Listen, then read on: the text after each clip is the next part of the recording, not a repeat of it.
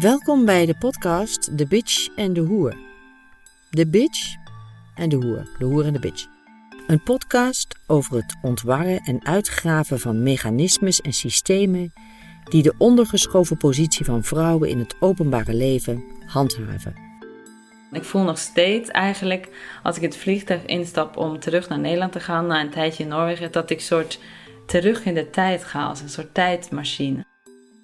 Deze keer een gesprek met Eline Arbo. Ze is geboren en getogen in Noorwegen, kwam naar Nederland om naar de regieopleiding te gaan en nu is ze een van onze meest getalenteerde, veelbelovende jonge regisseurs. Ze vertelt wat er anders is in Nederland in de maatschappij en waarom. Maar voor het gesprek begint wilde ik nog even vertellen over een paar zaken waarvan ik denk dat het leuk is om te weten.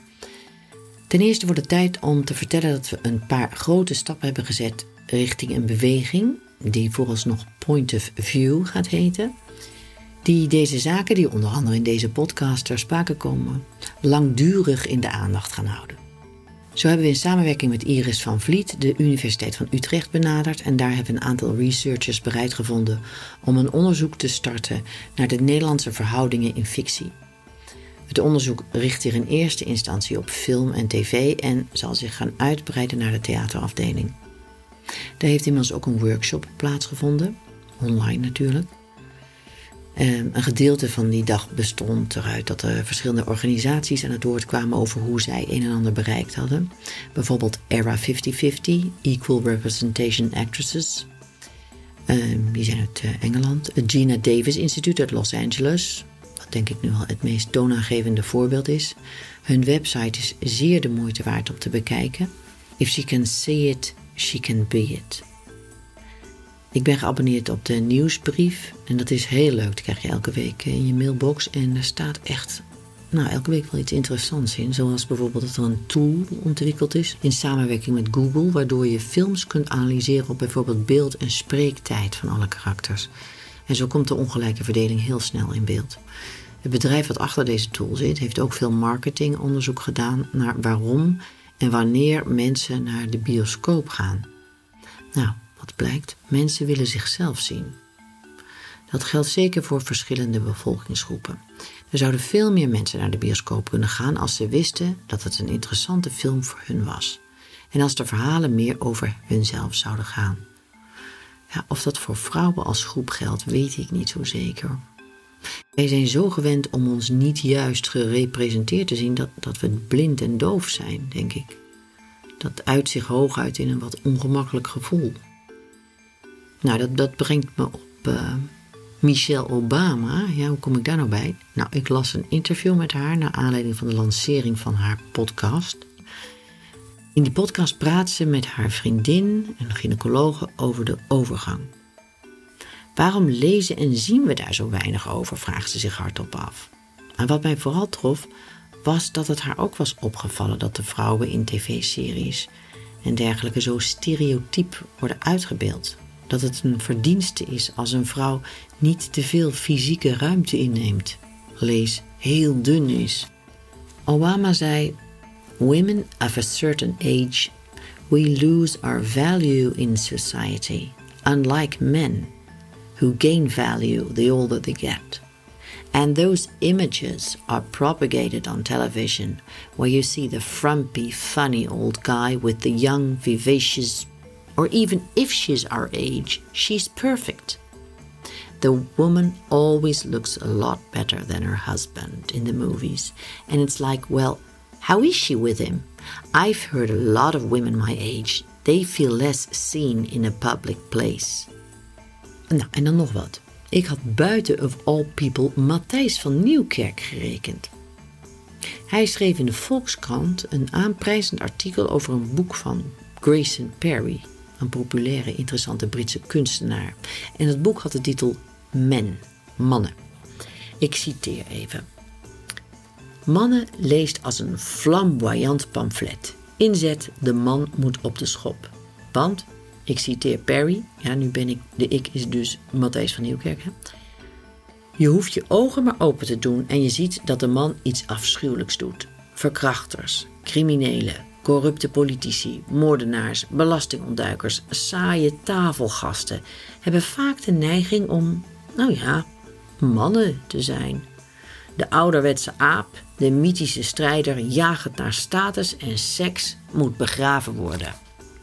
En als ik Perry vrij mag vertalen, die kuil moet de man zelf graven, als hij tenminste ballen heeft. Want de tribe rekent nu nog op dominantie en testosteron. En zolang dat zo is, blijft vrede op aarde uit zicht. Wie durft? Hm. De volgende aflevering ga ik in gesprek met wat jonge gasten.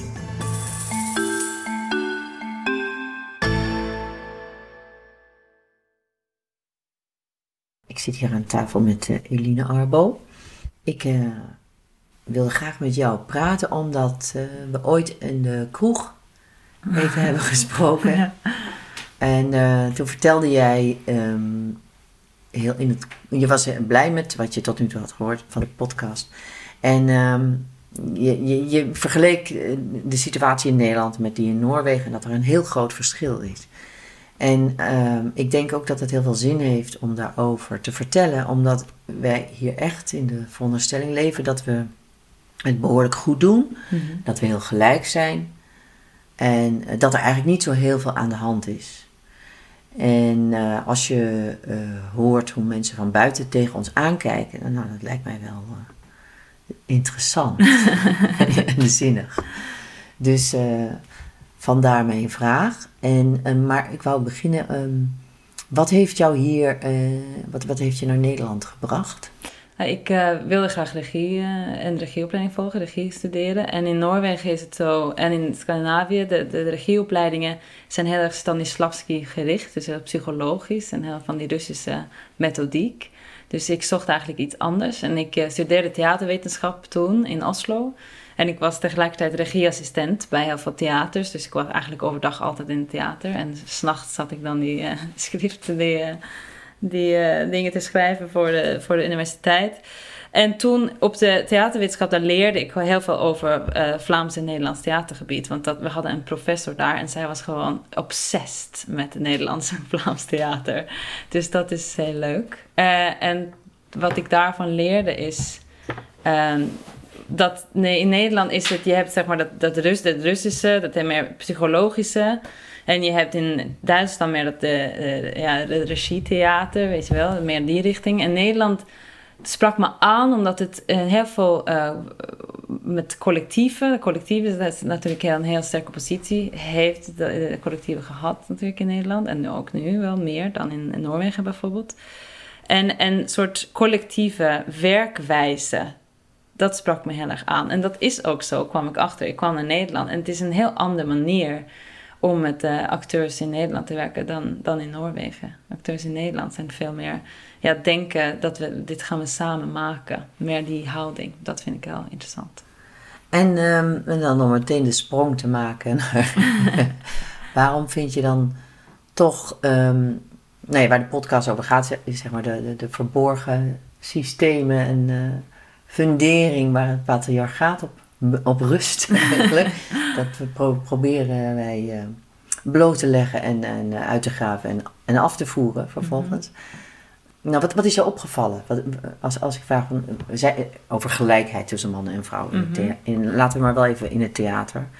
Wat, ik, wat, ik, wat me heel erg opvalt in het Nederlandse theaterveld is dat ik heb heel weinig voorbeelden van artistiek leiders die vrouwen zijn, die uh, regisseurs en actrices die moeders zijn en toch gewoon heel veel werk hebben. Bijvoorbeeld dat veel meer in Noorwegen en ook regisseurs die een heel goede carrière hebben, vrouwelijke regisseurs in Noorwegen die ook uh, gezinnen hebben. Dus het is ik heb veel meer voorbeelden daarvan in Noorwegen. En dan kijk ik naar Nederland en denk ik, ha, waar zijn al die vrouwen? Waar, waar, waar, waar gaan ze naartoe op een bepaalde leeftijd? Misschien rondom de tijd waar je dan denkt, ik nu gaan we een gezin eh, beginnen. Dan, eh, dan wordt het veel minder van. En dan dus heel veel jonge vrouwen en dan stopt het. En dat vind ik heel opvallend en jammer.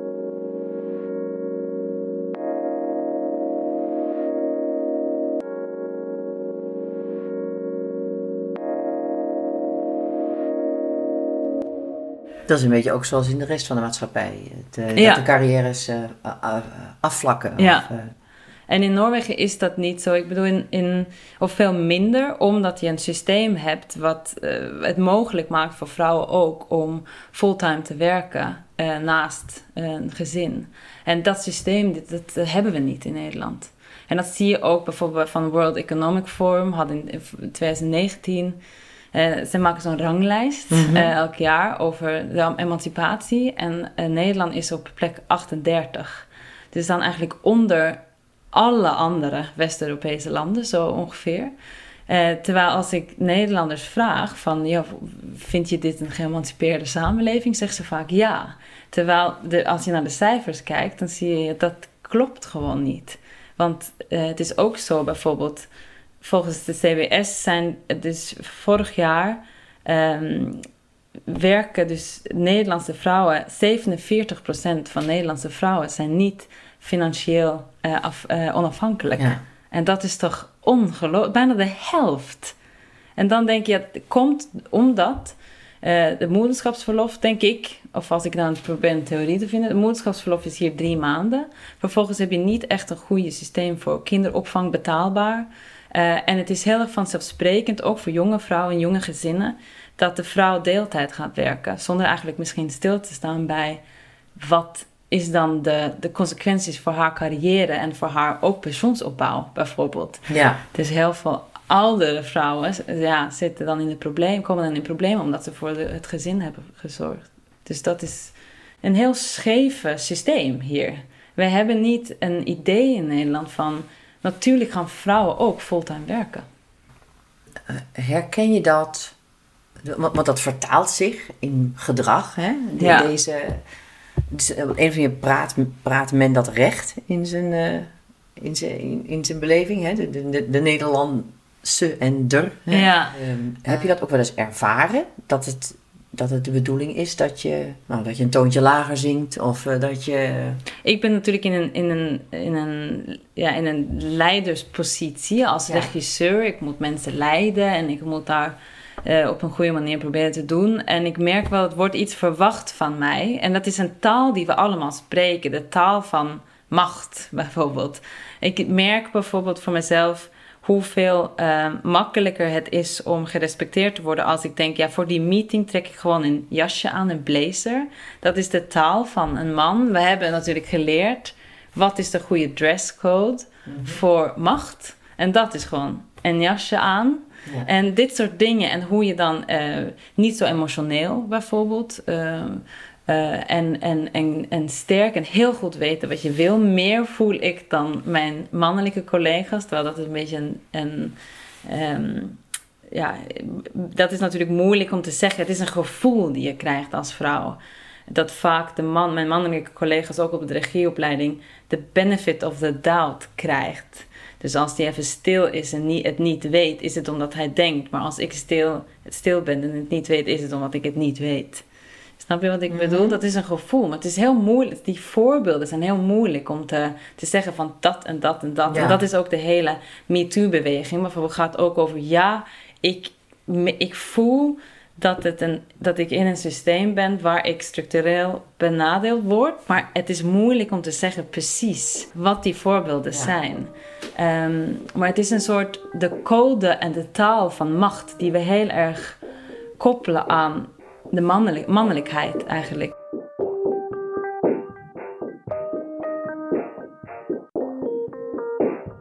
Waar we heel blij van werden, was de serie I May Destroy You. In Nederland te zien via HBO. Michaela Coe, schrijver en hoofdrolspeler van de serie, heeft een memorabel epos gemaakt. Wat het laat zien is dat je je schaamte opzij moet zetten en durven onderzoeken waar het vandaan komt.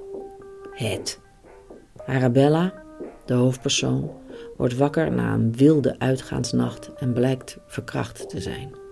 Ze is weggemaakt met wat pillen, meegenomen en misbruikt. Maar dit zware openingsakkoord drukt het verhaal niet alleen maar in de misère, helemaal niet zelfs. Ik werd er zelfs heel vrolijk van, van Arabella. Een zwarte jonge vrouw die er he, niet per se lief uitziet. Best wel pittig type. Met een luide lach en onstuitbare energie. En donkere, destructieve kanten en optimistische, liefdevolle trekken. Kortom, een mens. De serie had geen torenhoog budget en bewijst dat je dat niet hoeft te weerhouden om onderscheidende televisie te maken. O God, geef ons wat wijsheid in Nederland. Heb je het jasje ook in Noorwegen aan of eh, hoeft dat daar niet aan? Het hoeft minder naar mijn gevoel, omdat het veel meer bijvoorbeeld vrouwelijke artistieke, artistieke leiders of vrouwelijke mensen die dan, eh, ja, het is, het is, dat voelt, ja, ik doe dat minder naar mijn gevoel, maar het is, dat is ook iets wat ik zelf ook gewoon hier minder zou kunnen doen. Dus het, is niet, het zit in mijn Mhm. hoofd. Maar ik ben ook benieuwd, wat jij ook zegt, benieuwd naar wat zijn dan die soort onderliggende systemen die we niet eigenlijk bewust... We, hebben, ja, we moeten die eigenlijk soort van duwen in ons, naar ons bewustzijn om daar te begrijpen van waarom, waarom gaan we zo om met, met, ja, met dat de mannen een voordeel hebben in de machtsposities in die, om die taal te spreken. Nou, want ik wil nog even kijken of we meer kunnen te weten komen over dat verschil tussen Noorwegen en eh, Nederland. Dat hoe. Ik bedoel, jij, jij zegt van nou, het komt onder andere door de carrièreopbouw.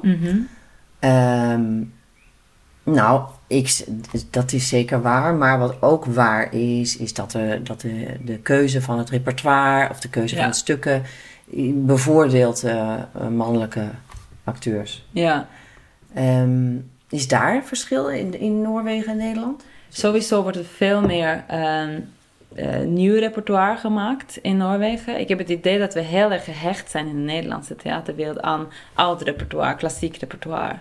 Ehm, terwijl in Noorwegen hebben ze, worden veel meer eh, gestimuleerd dat, eh, dat nieuwe teksten, dat we nieuwe teksten op toneel zetten en, en ook nu het jonge toneelschrijvers en zo. En dat is gewoon elk theater heeft, eh, heeft als doel, wij gaan nieuwe teksten op toneel zetten. En dat, is, eh, dat maakt natuurlijk dat je veel, veel meer moderner eh, eh, stukken krijgt, wat veel minder inderdaad over die ouderwetse 19e eeuwse vrouwenbeeld eh, gaat reproduceren.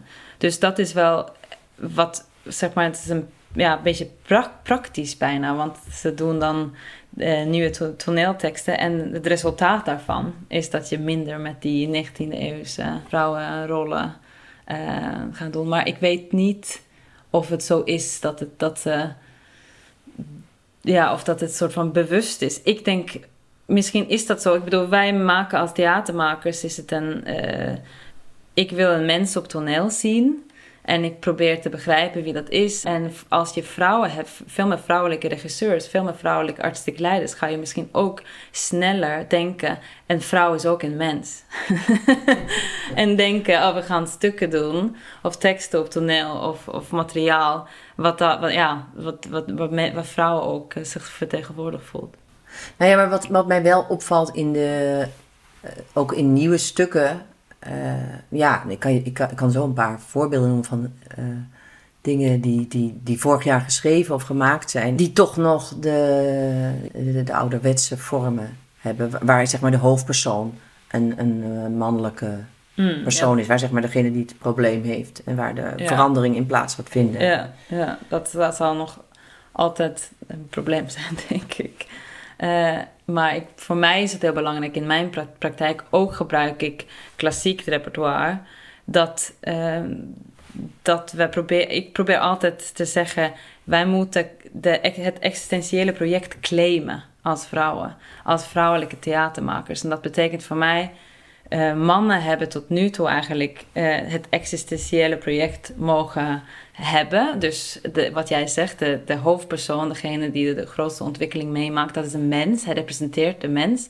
Terwijl als je vrouwen hebt, of mensen met een andere huidskleur, of die homoseksueel zijn, et cetera, dan eh, gaat het vaak over een emancipatieverhaal. Dus mensen die proberen op hetzelfde niveau te komen als de witte man.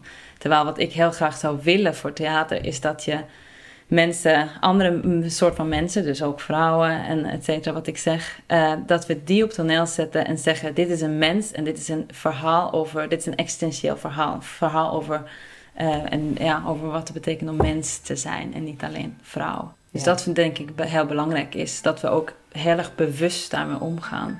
Als, helemaal als vrouwen, maar voor iedereen.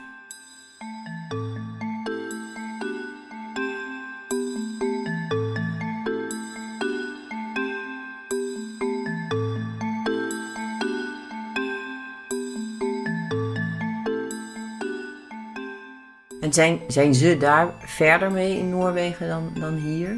Of, eh, Ik heb het idee van, ik heb het idee van wel eh, dat het, dat het, dat het ver, ja, dat het meer, eh, het is ook een heel ander politieke klimaat en een heel andere openbare discussie over emancipatie. En daardoor krijg je ook, het is politiek correcter in, de, in een positieve zin van het woord, waardoor eh, het is vanzelfsprekend dat vrouwen ook een groot eh, eh, deel maken van van kunst en van, van alles wat de, de mensen die gerepresenteerd worden in de kunsten. Dus dat, dat voel ik wel. Het, dat is heel anders in Nederland. Ik voel nog steeds eigenlijk, als ik het vliegtuig instap om terug naar Nederland te gaan, na een tijdje in Noorwegen, dat ik soort terug in de tijd ga, als een soort tijdmachine. en dat ik soort, eh, ja, eindig een soort een generatie voor, m, voor eh, mijn generatie of soort van. Want Ja. mijn moeder, toen, toen ik geboren werd in 86, had mijn moeder ook maar drie maanden verlof. En was het ook gewoon heel erg, ja, heel vergelijk- vergelijkbaar met hier. En was het ook zo dat, dat, eh, dat vrouwen veel meer ja, benadeeld werden. Maar nu is dat zo de afgelopen decennia zoveel verder gegaan in Noorwegen. Dus ik voel een beetje, die tijd. dat klinkt heel erg.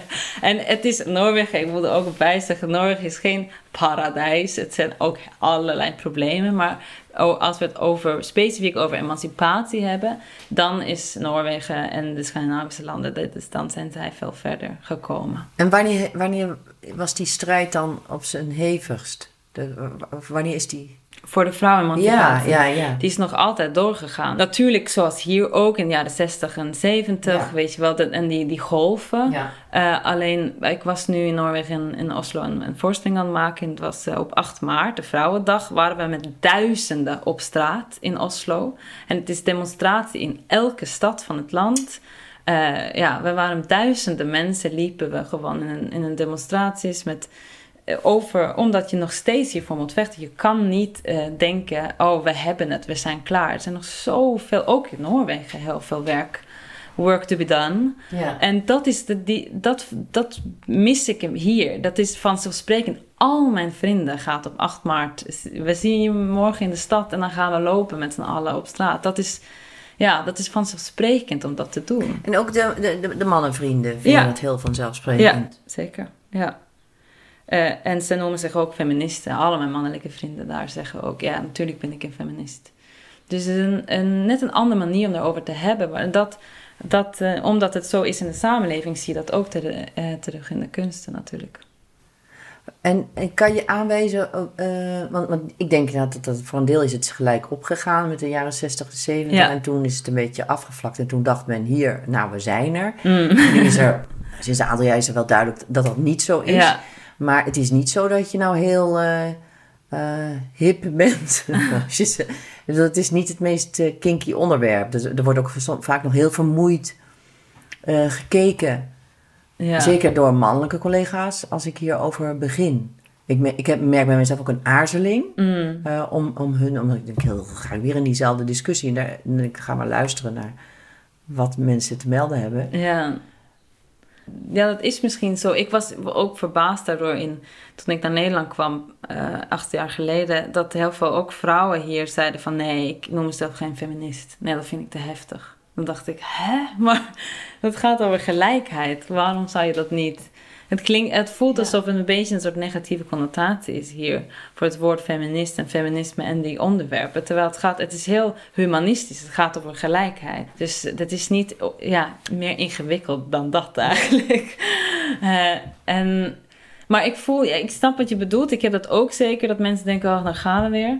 Maar over vrouwenemancipatie. Maar ik heb ook het gevoel dat de jonge generatie, dat dit ook ergens hip begint te worden. Ja. En dat ze- zoals ook diversiteit hip is. En pride eh, is hip. En dat is goed, denk ik, ergens. Want dan kan je... Het is zo lang niet hip geweest. Nee, nee. dus dat is goed eigenlijk ook. En je kan zeggen, ja, dan wordt het ook... ehm, wordt er ook eh, eh, dat mensen dat gaan misbruiken. Eh, weet je, om te zeggen van... Oh, dit is een heel actuele voorstelling... omdat die heel divers is of heel feministisch of heel... Maar ik denk liever dat... dan dat het, niet, dan dat het daar niet is. Want we hebben nu echt ja, duizenden jaren ja, in dat patriarchale systeem geleefd, waar, we niet, waar er juist geen plek is voor die andere stemmen. Dus nu Nee. hoop ik dat het wel verandert. Nee, en dat is ook niet. Daar vind ik wel goed dat jullie nog steeds allemaal de straat op gaan. Want het is niet eh, in een decennium eh, Nee. eh, opgelost en, en, en van ons afgeschud. Nee. Het zit ook allemaal in onszelf. En Ja, we weten voor een heel deel ook nog niet eens hoe het nou precies werkt. ja, Hoe het, of waarom het zo is ja. gaan werken. Maar ik denk ook wat, wat, wat jij ook hebt beschreven in deze podcast, van dat je, je, dat je mensen, dat je jezelf afvraagt, maar ook gaan bevragen, waarom moet ik dan als vrouw deze rol spelen? Of waarom zetten we die, deze vrouw zo neer op toneel? En waarom, nou ja, in, Ja. binnen de vak wat wij, eh, waar wij mee bezig zijn, dat vind ik heel belangrijk, dat we blijven die vragen stellen. Verder wil ik nog je aandacht vestigen op Carla 2020. Dat is een internationaal platform over de vertegenwoordiging van vrouwen in film en tv. Het is opgezet door het Zweedse Filminstituut die jaren op ons voorlopen. De website heet carla2020.se. Afgelopen augustus organiseerden ze een groot virtueel congres met heel veel interessante sprekers en gesprekken. Is ons zeer, zeer, zeer de moeite waard. Nou, zoals gezegd organiseerden wij eh, deze maand ook een workshop. En ik hoop dat wij in de nabije toekomst iets groters kunnen gaan organiseren. Waar ik hoop dat we heel veel eh, van de luisteraars van de podcast ook eh, zullen ontmoeten. Want er is heel veel te vertellen over wat er allemaal al, al ontdekt is. Hoe dingen in elkaar zitten. Dat is echt. Nou, op die workshop was er, was er een spreekster uit Australië. Nou, ik vond het mind-blowing wat hij te vertellen had. Het is alsof, je, alsof er een deksel wordt opgelicht en je opeens in de pan mag kijken waar het allemaal gemaakt is. Het is echt. eh, ja, het is dan eh, het patriarchaat.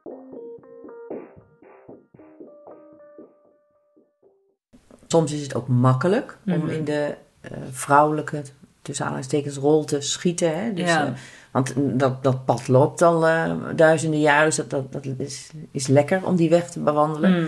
En als je de, een andere weg is, nou ja, zoals jij met je jasje of zo, weet je, dat, dat is, dat is een, Ja. een antwoord, een manier. Dus daar heb je op gereageerd. Maar ehm, nou, bijvoorbeeld dat je je een bepaalde richting in laat duwen. Ja, En dat je, en dat je daar een vraag, dat je denkt, nee, dat wil, wil ik niet. Of, ik, eh, of dat bevalt me niet. En hoe je daar dan weer ja. uitkomt. Ja, dat is een goede vraag. Ik probeer te denken aan wat ik heb gemaakt. Ik, het was heel grappig, eh, want eh, je had Marijn Lems ook aan de podcast, heb ik geluisterd.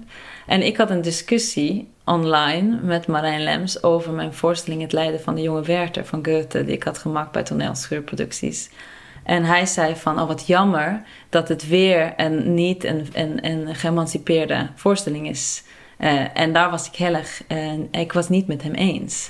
Want wat ik had gedaan in dat, eh, je hebt dus de rollen zijn Werther. Werther is verliefd op Lotte. En dan heb je Albert, dat is de verloofde van Lotte. Nou ja, dat is gewoon de drie personages in het stuk. En Marijn vo- voelde dat ik, dat, Lotte, dat ik Lotte had neergezet als en weer een soort eh, vrouw die geen stem heeft, een eigen stem heeft. En nou ja, wat je vaak ziet in, in klassiek repertoire. Maar ik had juist ehm, al de teksten van Werther, van het boek, over twijfel gegeven aan Lotte. Omdat ik vond de positie van een twijfelaar is ook een heel sterke positie.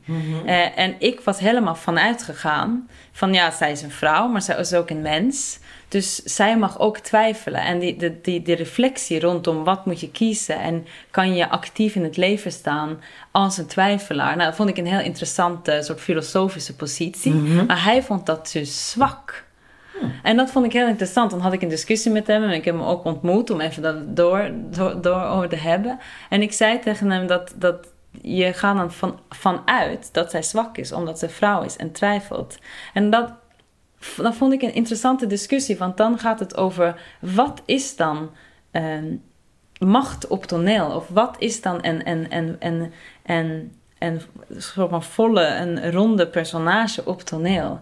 Wat, hoe moeten we uh, mensen neerzetten? Want is het ook, is het de, zijn het de mensen, de personages die dan het hardst schreeuwt en die, weet je, is dat een sterke vrouw, een sterk mens? Of is, kan het ook de twijfelaar zijn? Dus dat vind ik, vond ik een interessante deel van de discussie, want ik moest ook zelf over nadenken van, oh ja, kunnen mensen haar, alleen omdat ze vrouw is, zien mensen haar als zwak als ze twijfelt? En zou het hetzelfde zijn als het een man was die twijfelde?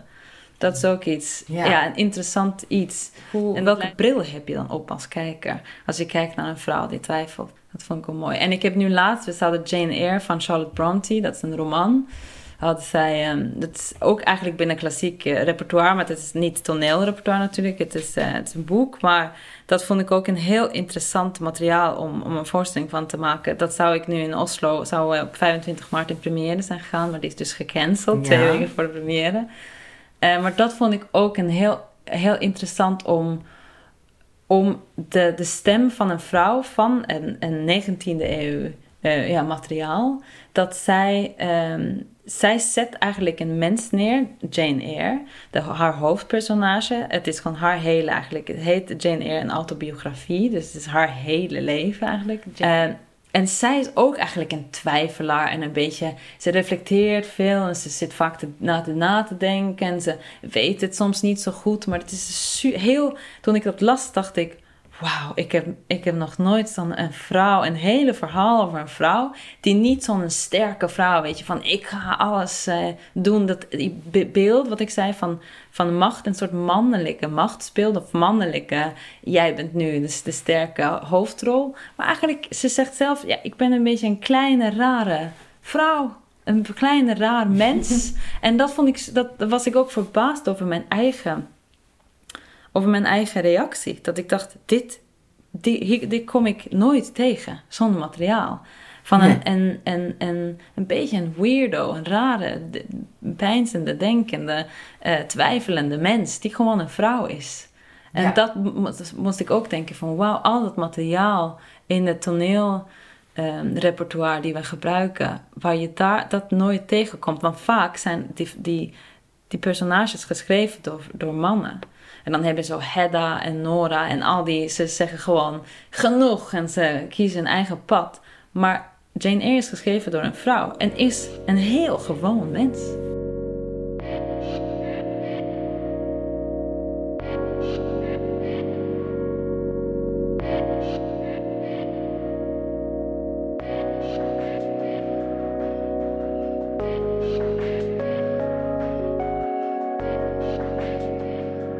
En nu je even over Ibsen begint, wat vind je van hem?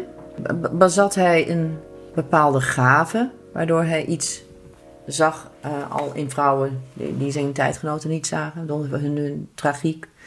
Ik denk het wel. Ik vind het heel interessant dat hij dat heeft gedaan. Hij heeft meerdere natuurlijk uh, vrouwelijke hoofdpersonages. Of ze echt, uh, ze zijn vaak wel heel tragische figuren het loopt slecht met ze af, eigenlijk, een beetje het stuk voor stuk. Dus dan kan je ook, dat zit ook natuurlijk in een, in een, in een geschiedenis van de tragische vrouw die zelfmoord pleegt, bijvoorbeeld. Dat is ook een soort cliché uh, vrouwenrol. Dus als je sterk bent, moet je doodgaan. Ja. Dat is een beetje voor een vrouw. Die je. Voor een vrouwelijke hoofdrol. Nou, van Antigone tot vandaag de dag een beetje.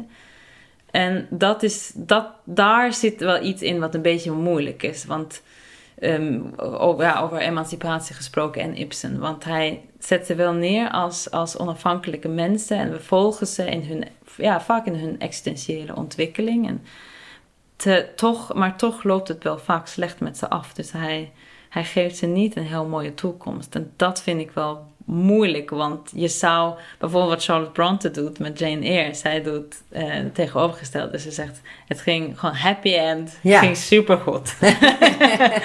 en dat, ja, dus dat vind ik wel moeilijk met Ibsen. Maar ik heb Herman på Helgeland, dat is een, een, een stuk, een van de eerste stukken van Ibsen, wat hij heeft geschreven. Dat heb ik in Oslo gedaan een paar jaar geleden, bij het Nationaal Theater daar. En, en dat is een heel dat is ook een heel uh, gekke stuk. Die is niet ver, vertaald naar het Nederlands. Dat is Oh. echt een, ja, dat is een heel, grap, een heel grappig stuk. Eigenlijk de blueprint van al zijn vrouwelijke personages, eh, hoofdpersonages. Die komen gewoon later in zijn oeuvre in de moderne drama's. En het gaat over haar, en de setting is een viking setting. Ja. soort Vikings, het is heel gek. Eh, een soort IJslandse saga-stijl. En Hjördis, dat is de hoofdpersonage die we volgen. Dat vond ik een heel interessante personage. Want zij is zo kwaad. En hij is heel, zij is heel, eh, ze neemt de aandacht in elke ruimte. Ze komt binnen en ze, en ze gaat iedereen afschieten. En ze is een verschrikkelijk mens. Maar op een heel lekkere manier. Dus ik had heel veel lol ook met de hoofdpersoon... Of de, de, de actrice die die hoofdpersonage zou spelen. Want zij zei ook van... Dit heb ik nog nooit mogen doen. Dat je binnenkomt in een ruimte en gewoon... Ah, ja, je, je schreeuwt gewoon tegen de man en ze, hij- ze schiet ook mensen dood. En het is Oh. echt gewoon, ze gaat gewoon helemaal los. dus dat was een soort rauwe ja, blueprint van al zijn moderne eh, drama, die, die, die, die hoofdpersonages die later komen, de Heddas en de Noras.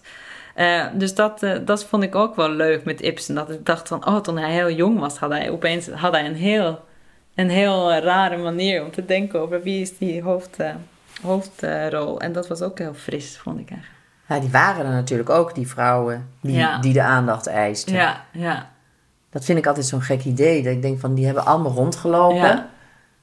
En die, die leiden nooit tot eh, inspiratie om daar iets moois over te schrijven. Vind ik zo'n... Hoe bedoel je? Nou, eh, nou kijk, er, er hebben altijd interessante Ja, vrouwen ja, rondgelopen om je heen als schrijver. Ja, En dan heb je altijd als, als schrijver een zeef in je hoofd gehad, of een mal. Waarin je dus de, de mensen, en de vrouwelijke helft van de mensen, die je in een cliché Ja. samenvat. Vind ik zo'n gek chemisch ja. Ding? dat is heel gek. Vind ja. ik heel raar. Ja. Dat, dat- en, en, en, en dat is zo vanzelf dat men zich helemaal niet. Het is ook toch heel vaak de afknapper. Of de, ja, die, die je overal meeneemt dat hij een groot kunstenaar. Alleen heeft een ongelooflijk domme blik op vrouwen. Ja, Dat is bij heel veel kunstenaars. En dan in die discussie bijvoorbeeld van... eh, kunnen we dan, is dan geen enkele kunstenaar meer goed? Denk, nee joh, dat hebben wij toch al lang geaccepteerd. ja, Dat, maar, maar die teleurstelling, die, die, ja, die, die heb je zo vaak. ja. Ik heb laatst een heel mooi boekje over gelezen van een Noorse schrijver. Ze heet eh, Marta Breen. Het is niet vertaald naar het Nederlands, denk ik. Maar het gaat over de muzenrol. En ze gaat eigenlijk de geschiedenis door van, van de muzenrol. dus de, gewoon heel veel mannelijke kunstenaars hadden muzes. Eh, en ze schrijft eigenlijk over dat deze vrouwen waren ook vaak zelf kunstenaressen. En hadden heel veel eigen werk, alleen werden ze niet gezien. Dus zij geeft hun eigenlijk de plek om te zeggen, dit was hun werk. En zij hebben ook, ze werden gewoon drukt in de rol van, oh, jij bent dus nu de muze Ja. van deze man. En je moet alleen een soort, ja, een soort het lustobject of het, eh, het vrouwtje van. Maar deze, deze vrouwen waren vaak juist heel onafhankelijk en hadden hun eigen kunst, eh, kunstenaarschap. Wat heel mooi is. Dus het is een soort geschiedenisboek over vrouwelijke kunstenaar. Dus dat is ook iets wat, ik denk, ja, waarom... En die Marta Breen, die schrijver, die schrijft het ook aan het einde van het boek. Ze schrijft, ik ben ook zo...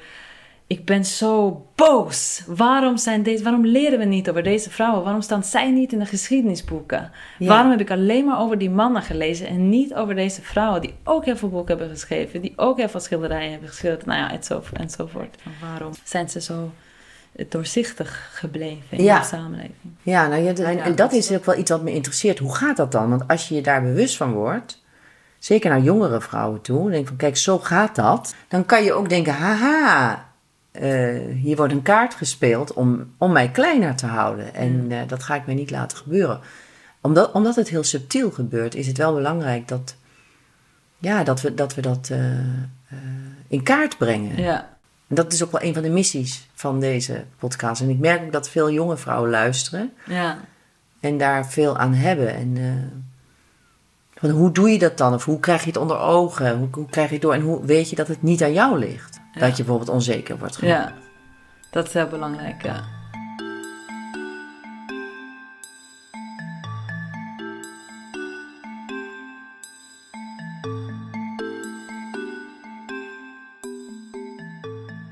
Ik zit te denken, dan, dan moet er toch een, een, een eh, systeem of, een, eh, of gewoontes zijn die dat in stand houden. Die dat ja, en, en, en, dat systeem komt ook in actie, Mm. denk ik soms. Als, als het de verkeerde, tussen aanhalingstekens, kant op dreigt te gaan.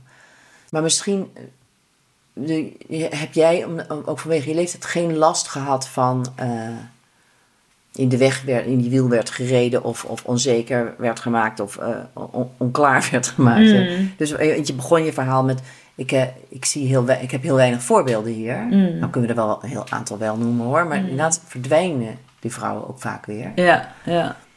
En een heel deel komt niet, eh, oh ja trouwens ook een heel deel gaat naar het buitenland, inmiddels. Ja, de vraag is of, eh, of dat bloot te leggen is. Zoals je dat bij actrices kan je dat echt wel blootleggen. Want het zit in de stukkeuze, het zit daarin, het zit daarin.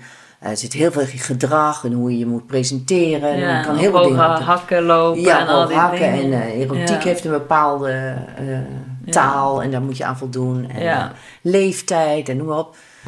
Nou, ik denk dat. wat, ik, wat ik ook zei, van het is, het is, je merkt het wel. Als vrouw zou je altijd het gevoel hebben dat je benadeeld, dat je benadeeld behandeld wordt. Of zeggen dat, dat, je, dat, dat gevoel is er, want dat is wel zo. Eh, alleen de voorbeelden, dit is precies zoals in de MeToo, de voorbeelden zijn zo in, de, in het grijze gebied. Je voelt het wel, maar je kan niet zeggen toen werd iemand anders gekozen in plaats van ik, of ja, omdat ik vrouw ben. Maar je, de, de, de soort de benefit of the doubt, wat ik, waar ik over had, daar zit een, dat, dat maakt het heel moeilijk om hierover te hebben. Want dat is, dat is zoals in de MeToo, zo mensen zeggen, ja, maar heb je niet, ben je niet verkracht, dan kan je eigenlijk niet eh, hierover spreken. Snap je wat ik bedoel? Ja. Terwijl heel veel vrouwen, ik bedoel, iedereen die ik ken, kan wel MeToo zeggen, voelen. Eh, en hier, het zit in de kleine dingen. Het grijze gebied. Michaela Krol, die ik al eerder noemde, zei daar het volgende over. Oh, en Bob staat in deze voor de man die je het grijze gebied induwt. Looking at me like I'm crazy. Well, Bob probably does think you're crazy. He thinks this is all a little uncalled for, and this personal space thing is all going a bit too far. And he's very confident in his view because he's gone exploring to see for himself what boundaries and violations these women might be banging on about because Bob's thorough. And on these explorations, Bob found the line that separated him from everything else. Rather than crossing it, he tiptoed on it. And he experienced this feeling of being on the boundary, on the border, right on the line of being neither in one place or another, and saw how in this grey area, where nothing was quite clear, no one could be clear. We can't articulate, we fuddle our words. We couldn't pinpoint exactly what it was he did that we felt was so wrong. So yeah, Bob thinks you're crazy. Yeah, he thinks he's the smartest man in the room who knoweth all things because Bob has observed the detail. We have to start observing Bob. Telling him. We do see the detail. We see you, Bob. And if we see you, it means we are right there with you, tiptoeing in line right behind you. And in that place, where rules, clarity, law, and separation cease to exist, we will show you exactly what we mean by violation.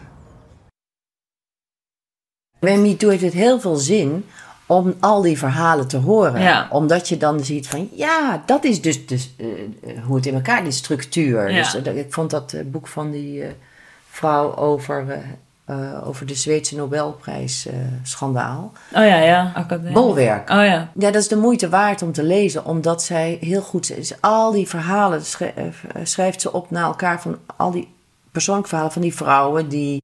eh, nou, dat grijze gebied beschrijft ze eigenlijk. Ja. En daarmee zie je ook de, nou, toch wel de donkere kleuren Ja. en de vieze kleuren in dat grijze gebied. Ja. Die, die worden zichtbaar daarmee, Ja. doordat het eh, onderzocht wordt. Nou, ik lees nu een boek die heet Rage Becomes Her. Heb je die gelezen? Nee, ik weet het, dus die staan nog op mijn lijst. Oh ja, dat is heel herkenbaar. Het is een gevoel van. Je, ze, ze, ze zegt eigenlijk.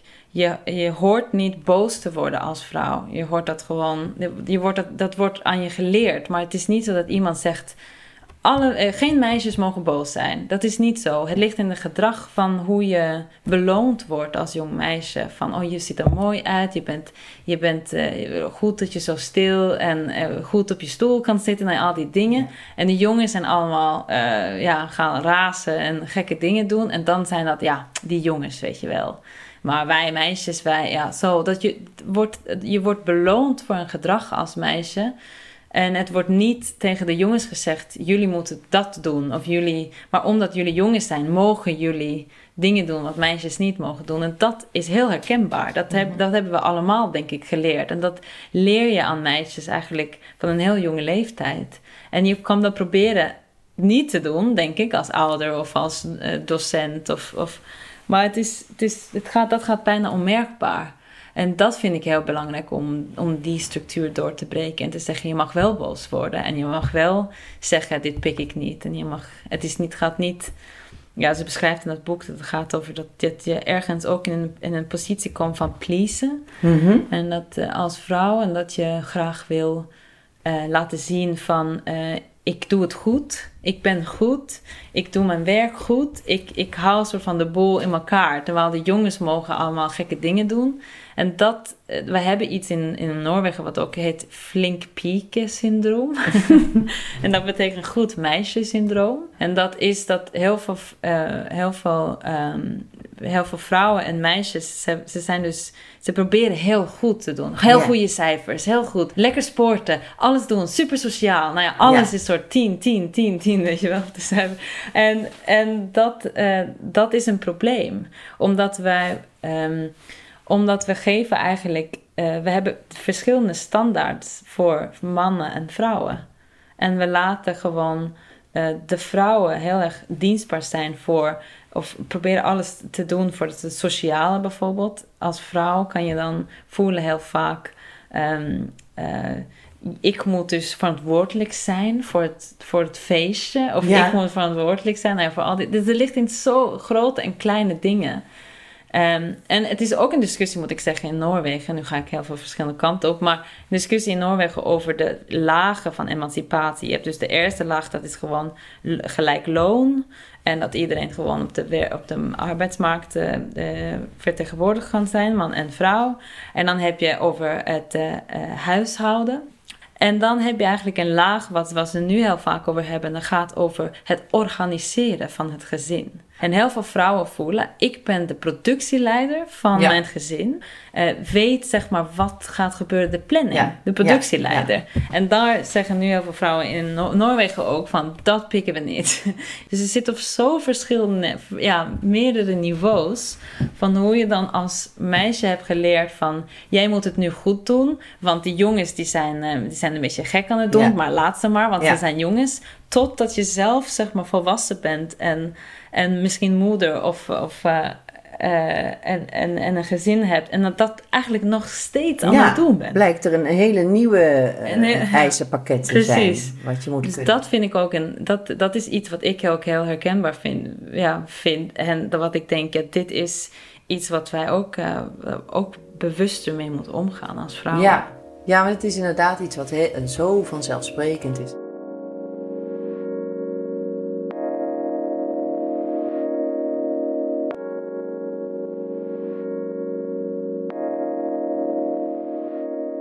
Tot de regieopleiding kwam Katie Mitchell, die, de regisseur. Ja, ja. Ze kwam even praten en zij zei iets wat ik dacht, ik, dit heb ik nog nooit gehoord. Ze zei bijvoorbeeld, ja, als je dan ongesteld bent tijdens een repetitieproces, dat, dat kan natuurlijk heel, uh, dat is natuurlijk heel moeilijk. Je bent dan regisseur en je bent ongesteld. Misschien heb je heel veel hormonen en emoties en dat kan heel verschrikkelijk zijn. En dat vind ik soms gewoon, nou ja, dat ze zo open ging praten over menstruatie en regie. Nou ja, ik dacht ja. echt, ja. wat gebeurt?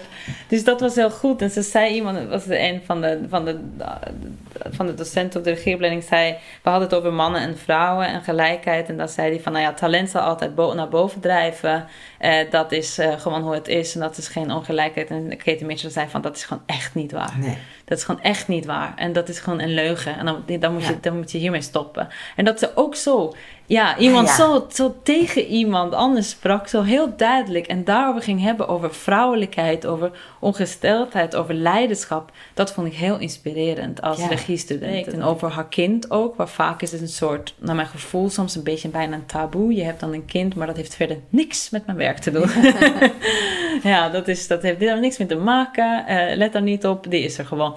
En ik heb zelf geen kinderen, maar eh Katie Mishers had, heeft dat wel. En zij, zij hadden ook heel vaak over, ja, hoe moet ik dat dan doen? En dat hele tijdschema en dan met, dat, met een kind. En, dus dat was heel inspirerend, dacht ik. Ja, zo hoort het te zijn, dat we ook openlijk over, over die persoonlijke dingen kunnen spreken. Ja. En over, over regie en ons vak. En dat was, vond ik ook een belangrijk deel daarvan. Zij was wel belangrijk voor jou. Ja, ja, zeker. Dat ik dacht, oh ja, dat is iemand op een zekere positie als regisseur. Ze werkt internationaal en, Ja. en, en toch gewoon zo open over die thema's eh, spreekt. En dat ik dacht, wauw, dit, hier moeten we meer vaker over hebben.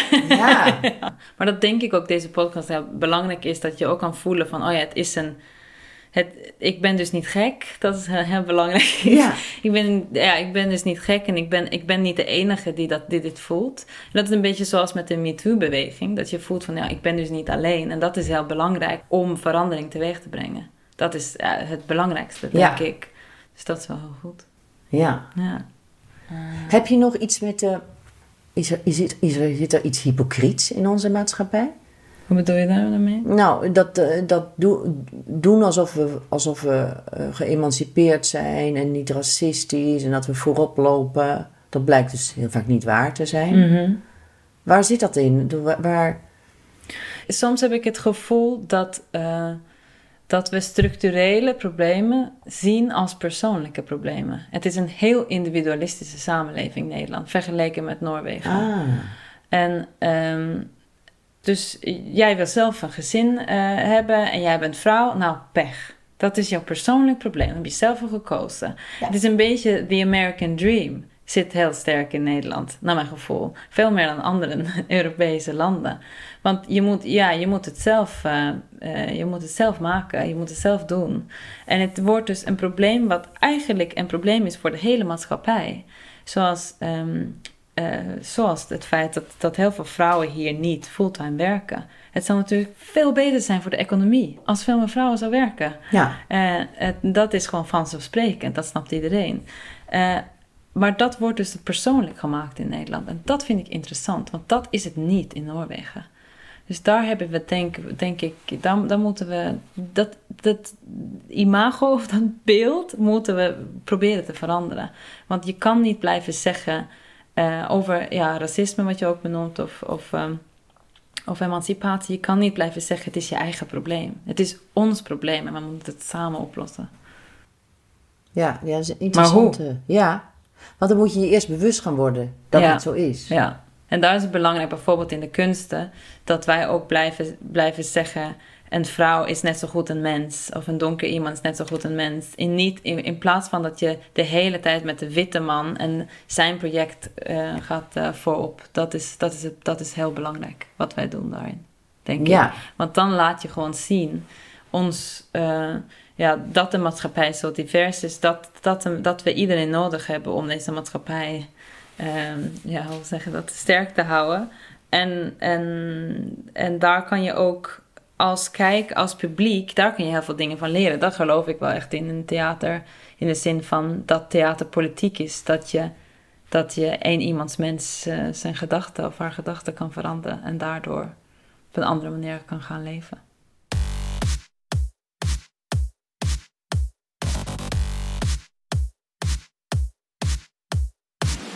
Het interview van deze aflevering is in de zomer van 2019 opgenomen. De rest van de aflevering hebben we in 2020 gemaakt. Interview Jacqueline Blom, script en montage Corine van der Zwaag, sounddesign door Reinder van der Put. Deze podcast is tot stand gekomen met steun van Stichting Melanie. Wil je dat meer mensen deze podcast horen? Geef haar dan een recensie in iTunes en verspreid haar via sociale media.